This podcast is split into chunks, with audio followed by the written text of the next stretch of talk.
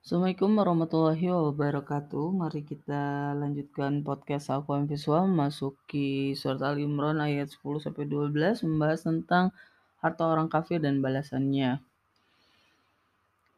Apa yang dibahas di ketiga ayat ini? Sebelumnya kita lihat dulu sekilas apa yang dibahas di ayat 8 sampai 9. Kita tahu bahwa ayat 8 sampai 9 itu adalah doa, doa orang-orang beriman karena sebelumnya Allah telah membahas tentang orang-orang yang punya kecenderungan untuk mengikuti ayat-ayat mutasyabihat, yang ayat-ayat yang samar, yang tidak jelas, bukan ayat-ayat Muhammad. Pada ayat 8 doanya adalah Rob kami tidak menyimpangkan hati kami setelah jika kamu telah membimbing kami dan beri bagi kami dari dirimu sendiri rahmat, memang kamu paling pemberi. Dan di ayat 9-nya, Rob kami, memang kamu akan mengumpulkan manusia pada hari, tidak keraguan dalam itu, memang Allah tidak menyalahi janji. Jadi, um, untuk kita bisa berjalan dengan benar dan teguh, dengan hati yang tidak berbolak-balik pada hal yang tidak semestinya, ya kita butuh doa, kita butuh berdoa. Ini adalah doa yang diajarkan oleh Allah agar kita selalu di dalam bimbingan Allah. Jadi bagaimana cara kita berdoa ya jelas kita juga diajarkan ya, diajarkan oleh Allah walaupun memang ada orang-orang tertentu yang dengan kesadarannya, dengan pemahamannya dia bisa sampai ke titik untuk mm, berdoa dengan benar dan kadang-kadang doa-doa itu dikumpulkan dijadikan panutan bagi orang-orang manusia lain ya. Lalu apa yang dibahas di ayat 10 sampai 12 kita bacakan dulu ketiga ayat ini. A'udzu billahi minasyaitonir rajim. Innal ladzina kafaru lan tughniya anhum amwaluhum wala auladuhum minallahi syai'a wa ulaika hum waqudun nar. Memang orang-orang kafir tidak akan pernah akan mengkayakan bagi mereka harta mereka dan tidak anak-anak mereka dari melawan Allah sedikit sesuatu pun dan mereka itulah bahan bakar api. Ali Imran 11-nya kita bacakan. كدأب آل فرعون والذين من قبلهم كذبوا بآياتنا فأخذتهم الله بذنوبهم الله شديد العقاب Seperti perilaku orang-orang Fir'aun dan orang-orang dari sebelum mereka, mereka telah mendustakan dengan ayat-ayat kami, maka diambil mereka Allah dengan dosa mereka dan Allah sangat ikop. Kita bacakan Ali Imran ayat 12. Qul lilladzina kafaru satughlabuna wa tuhsyaruna ila jahannam wa mihad. Katakanlah bagi orang-orang yang kafir, kamu akan dikalahkan dan kamu akan dikumpulkan pada jahanam seburuk-buruk tempat istirahat. Itu yang dibahas di ayat Ali Imran ayat 10 sampai 12 kita akan lihat frasa dan kata yang telah muncul sebelumnya agar pemahaman kita terhadap ayat ini menjadi lebih mendalam. Kita mulai di Ali Imran 10 dari frasa innalladzina kafaru. Frasa ini sebelumnya terdapat di ayat 4 Ali Imran yang dikaitkan dengan ayat-ayat Allah, sedangkan di ayat ini dikaitkan dengan harta. Jadi Kekafiran itu pada dasarnya ya kafir dengan ayat-ayat Allah, tapi yang dibahas di ayat 10 Al Imran ini adalah tentang harta orang-orang kafir. Karena ya kita tahu memang ya kebanyakan orang-orang kafir itu harta dan anak-anaknya berlimpah. Dibanding orang-orang beriman gitu. Dan itu ternyata bukan hanya ujian bagi orang-orang di zaman kita, tapi juga di zaman-zaman dari zaman dulu. Lalu Allah menyatakan di kata selanjutnya ada tugnia, kata ini dimaknai akan mengkayakan. Sebelumnya terdapat di ayat 274 dalam bentuk lain dimaknai kaya merujuk pada orang fakir dalam jalan Allah yang tidak meminta-minta. Jadi kaya itu maksudnya apa? Tidak mengkayakan itu artinya apa? Jadi ya jelas sebetulnya mereka punya harta dan punya anak-anak tapi mengapa disebutnya tidak mengkayakan? Jadi apa artinya mengkayakan gitu? Karena kita tahu makna kaya itu dalam konteksnya ketika berhubungan dikaitkan sama Allah adalah eh, bisa membuat dia memenuhi kebutuhannya sendiri tanpa bantuan orang lain ya. Nah, kalau di sini eh, maksudnya apa gitu? Tidak mengkayakan, tidak akan mengkayakan dia dari Allah gitu. Nah, ini kan sesuatu maksudnya bisa jadi merujuk kepada pemahaman bahwa walaupun orang itu punya harta yang banyak, punya anak-anak yang banyak, tetap saja ketika menghadapi Allah yang Maha Kaya, ya kalahlah, tidak bisa tidak mungkin bisa berlepas diri dari Allah gitu kan. Nah, untuk bisa memahaminya, just kita harus mempelajari lebih lanjut. Kata amwaluhum Kata ini dimaknai harta dikaitkan dengan orang kafir. Harta dan anak-anak tidaklah istimewa di depan Tuhan karena dia yang mengkaruniakannya dan bagian dari yang dijadikan ujian olehnya. Lalu kata selanjutnya adalah wak wakudun nar. Fasenya sebelumnya terdapat di ayat 24 surat Al-Baqarah. Walaupun tidak sama persis, merupakan pengulangan pernyataan orang kafir bahan bakar neraka. Ya, seperti kita tahu ya, dalam Al-Quran akan ada banyak pengulangan-pengulangan. Justru ini akan memperkuat bagaimana cara kita memahami sesuatu ya. Kalau tidak ada pengulangan memang akan lebih sulit jelas. Kalau kita lanjutkan ke Ali Imran ayat 11. Yaitu frasa pertama adalah Ali Fir'aun. Frasa ini sebelumnya terdapat di ayat 50 Al-Baqarah merujuk pada saat Allah menyelamatkan Bani Israel dari keluarga Firaun. Pada ayat ini keluarga Firaun menjadi salah satu contoh orang kafir yang dibahas di ayat 10 Ali Imran ya. Jadi contohnya seperti apa sih orang kafir itu gitu langsung jelas dibahas adalah uh, keluarga Firaun. Nah, keluarga itu sebetulnya juga disebut orang-orang Firaun. Jadi bukan hanya Firaunnya tapi juga para pengikut Firaun gitu ya. Lalu fase selanjutnya adalah waladina min qablihim Fase ini sebelumnya terdapat di ayat 286 merujuk pada dua orang beriman agar tidak ditimpakan tanggungan seperti yang telah dibebankan pada orang-orang sebelum mereka. Pada ayat ini merujuk pada orang-orang terdahulu. Jadi orang-orang terdahulu, terdahulu itu ternyata bisa uh, beberapa saat yang lalu, beberapa saat yang lalu-lalu gitu ya. Seperti orang-orang Firaun ini kan orang-orang yang jauh sebetulnya dari zaman Muhammad, tapi ya dikategorikan orang-orang yang dari sebelum mereka.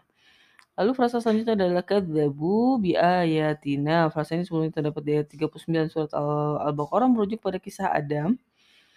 Pada ini dikaitkan dengan keluarga Firaun. Jadi yang difokuskan bukan harta dan keturunan tapi sikap mereka terhadap ayat-ayat Allah. Jadi ya tetap kembali um, kepada bagaimana menyikapi ayat-ayat Allah gitu ya. Tadi Eh, kafir terhadap ayat-ayat Allah di sini mendustakan pada ayat-ayat Allah ya sama-sama bagaimana mereka atau kita semua menyikapi ayat-ayat Allah. Yang kita tahu bahwa ayat-ayat Allah itu tidak hanya merujuk pada kitab tapi juga merujuk pada termasuk kejadian-kejadian uh, yang anomali ya. Lalu kita sambung lagi ke kata selanjutnya di Ali Imran ayat 11 yaitu fa'akhadhahumul Kata ini maknanya mengambil yang dikaitkan dengan banyak kata pada ayat ini dikaitkan dengan dosa bisa dipahami bahwa apa yang mereka lakukan dikategorikan suatu perbuatan dosa. Jadi ketika berhubungan dengan apa itu dosa, kata dosa ini baru pertama kali muncul di ayat ini ya. Nah, dosa ini juga sebelumnya pernah muncul tapi tidak dalam bentukan yang sama, ismin, ismun ya. Nah, itu dosa seperti apa? Zunubi dosa seperti apa ya? Kita belum bisa benar-benar memahami. Tapi intinya memang e, berbeda. Nah, jadi apa yang dilakukan oleh orang-orang Firaun dikategorikan sebagai dosa. Lalu selanjutnya adalah wallahu syadidul iqab. Frasa ini sebelumnya terdapat di 211 tentang Bani Israel yang mengubah nikmat Allah dari apa yang datang pada mereka. Sedangkan pada ayat ini merujuk pada Fir keluarga Firaun mereka mereka satu golongan ya. Jadi perbuatan itu bisa berbeda tapi perilakunya serupa hmm, akhirnya membuat mereka menjadi satu golongan yang sama yang mendapatkan ikob ikob itu ya kayak hukuman ya sejenis hukuman tapi bukan azab. Yang bedanya apa? Ikob dengan azab ya harus dipelajari lebih lanjut. Yang azab yang sangat gitu. Dan Firaun ternyata apa yang didapatkan Firaun sama dengan apa yang didapatkan Bani Israil, yang Bani Israil dulunya adalah, eee, orang yang ditindas Firaun, gitu.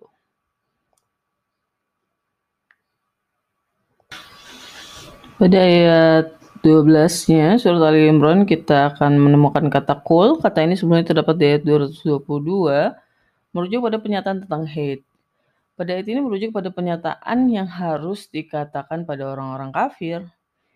Jadi kalau ada perintah qul maka sampaikanlah. Nah, ini juga bukan persoalan yang sederhana ya menyampaikan sesuatu kepada orang-orang kafir.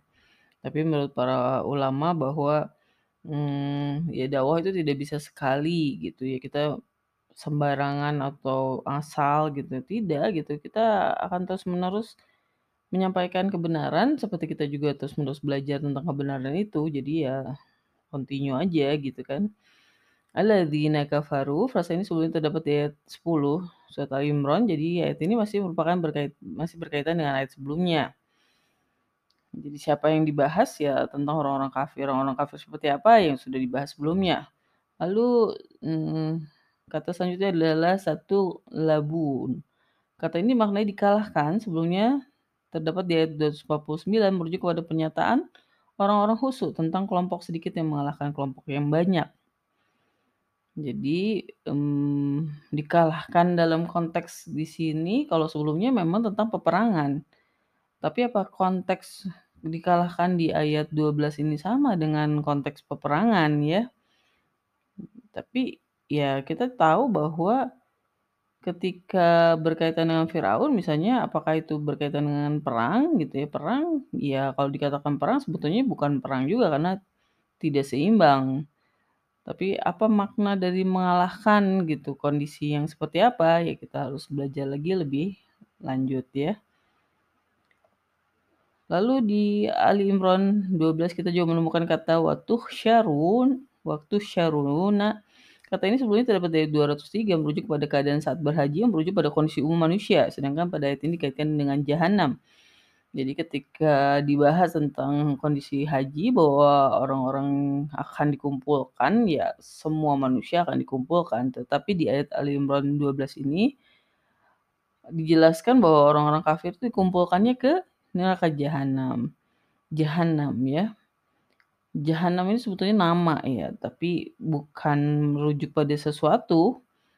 Banyak orang yang mengaitkan dengan neraka, tapi tidak ada kata apinya. Nah, tapi di sini ditegaskan di frasa selanjutnya jahanama wa bi'sal mihad. Jahanam adalah seburuk-buruknya tempat kembali. Jadi ya itu adalah suatu tempat, suatu tempat kembali yang buruk. Frasa ini sebelumnya terdapat di ayat 206 surat Al-Baqarah merujuk kepada orang-orang fasik jika dikatakan pada mereka untuk takwa Allah. Pada ayat ini merujuk pada orang kafir. Jadi ya sama saja ya orang-orang fasik sama orang-orang kafir itu sama saja ujung-ujungnya mereka akan menjadi kafir gitu. Walaupun di awalnya seakan berbeda perilakunya berbeda hmm, kondisinya berbeda cara mereka menentangnya berbeda. Tapi ujungnya sama aja gitu. Dan itu di kita bisa lihat dengan frasa yang sama di ayat 6 yang dikaitkan dengan orang-orang fasik. Lalu kesimpulannya, Harta dan anak-anak sering kali jadi patokan dalam kebersihan hidup, tapi semua itu tidak artinya jika kita kafir. Contohnya adalah keluarga Fir'aun yang tidak ada artinya harta dan anak-anaknya. Orang kafir akan dikalahkan di dunia dan dikumpulkan di akhirat di neraka jahanam. Jadi inilah pembahasan uh, Al Imran ayat 10 sampai ayat 12. Ya, intinya adalah bahwa um, orang kafir itu walaupun banyak harta, banyak anak, tapi mereka tidak akan bisa um, melepaskan diri dari Allah ya. Mereka tidak akan bisa menjadi orang yang tidak bergantung pada Allah. Makanya kalau Allah kan maha kaya yang bisa survive sendirian begitu kan. Lalu contoh dari orang-orang kafir yang disebutkan adalah orang-orang Firaun dari sebelum mereka yang mendustakan ayat-ayat Allah. Dan Allah menjadikan mereka uh, berdosa dengan kekafirannya lalu memberikan kepada mereka ikob atau hukuman yang sangat. Dan sebagai orang-orang beriman, maka kita harus menyatakan kepada orang-orang kafir bahwa mereka akan dikalahkan dan dikumpulkan pada jahanam. Jadi ya jelas bukan sesuatu hal yang, eee, kekalahan itu bukan, mmm, porsinya orang-orang beriman ya, kekalahan itu adalah porsinya orang-orang kafir. Nah, tapi kalau di kita zaman sekarang ya orang-orang kafirnya juga tidak sadar bahwa mereka kafir dan tidak disampaikan juga tentang kekafirannya. Jadi mereka juga ya bisa jadi ada tergolong orang-orang yang sesat, walaupun orang yang sesat ya ujung-ujungnya akan tergolong masuk kepada jahanam juga. Nah, tapi fungsinya sebagai orang beriman ya kita harus meneguhkan diri dulu sebagai orang beriman, karena kalau kita sudah meneguhkan diri sebagai orang beriman, maka kita akan bisa melihat siapa yang akan menjadi lawan kita sebagai orang kafir ya. Nah, ini jadi masalah kalau kita belum bisa melihat, eee, mana yang kafir, mana yang beriman, ya kita sendiri belum meneguhkan diri sebagai orang beriman sebetulnya kan seperti itu. Nah, itu yang dibahas di ketiga ayat ini, kita akhiri pembahasannya. Assalamualaikum warahmatullahi wabarakatuh.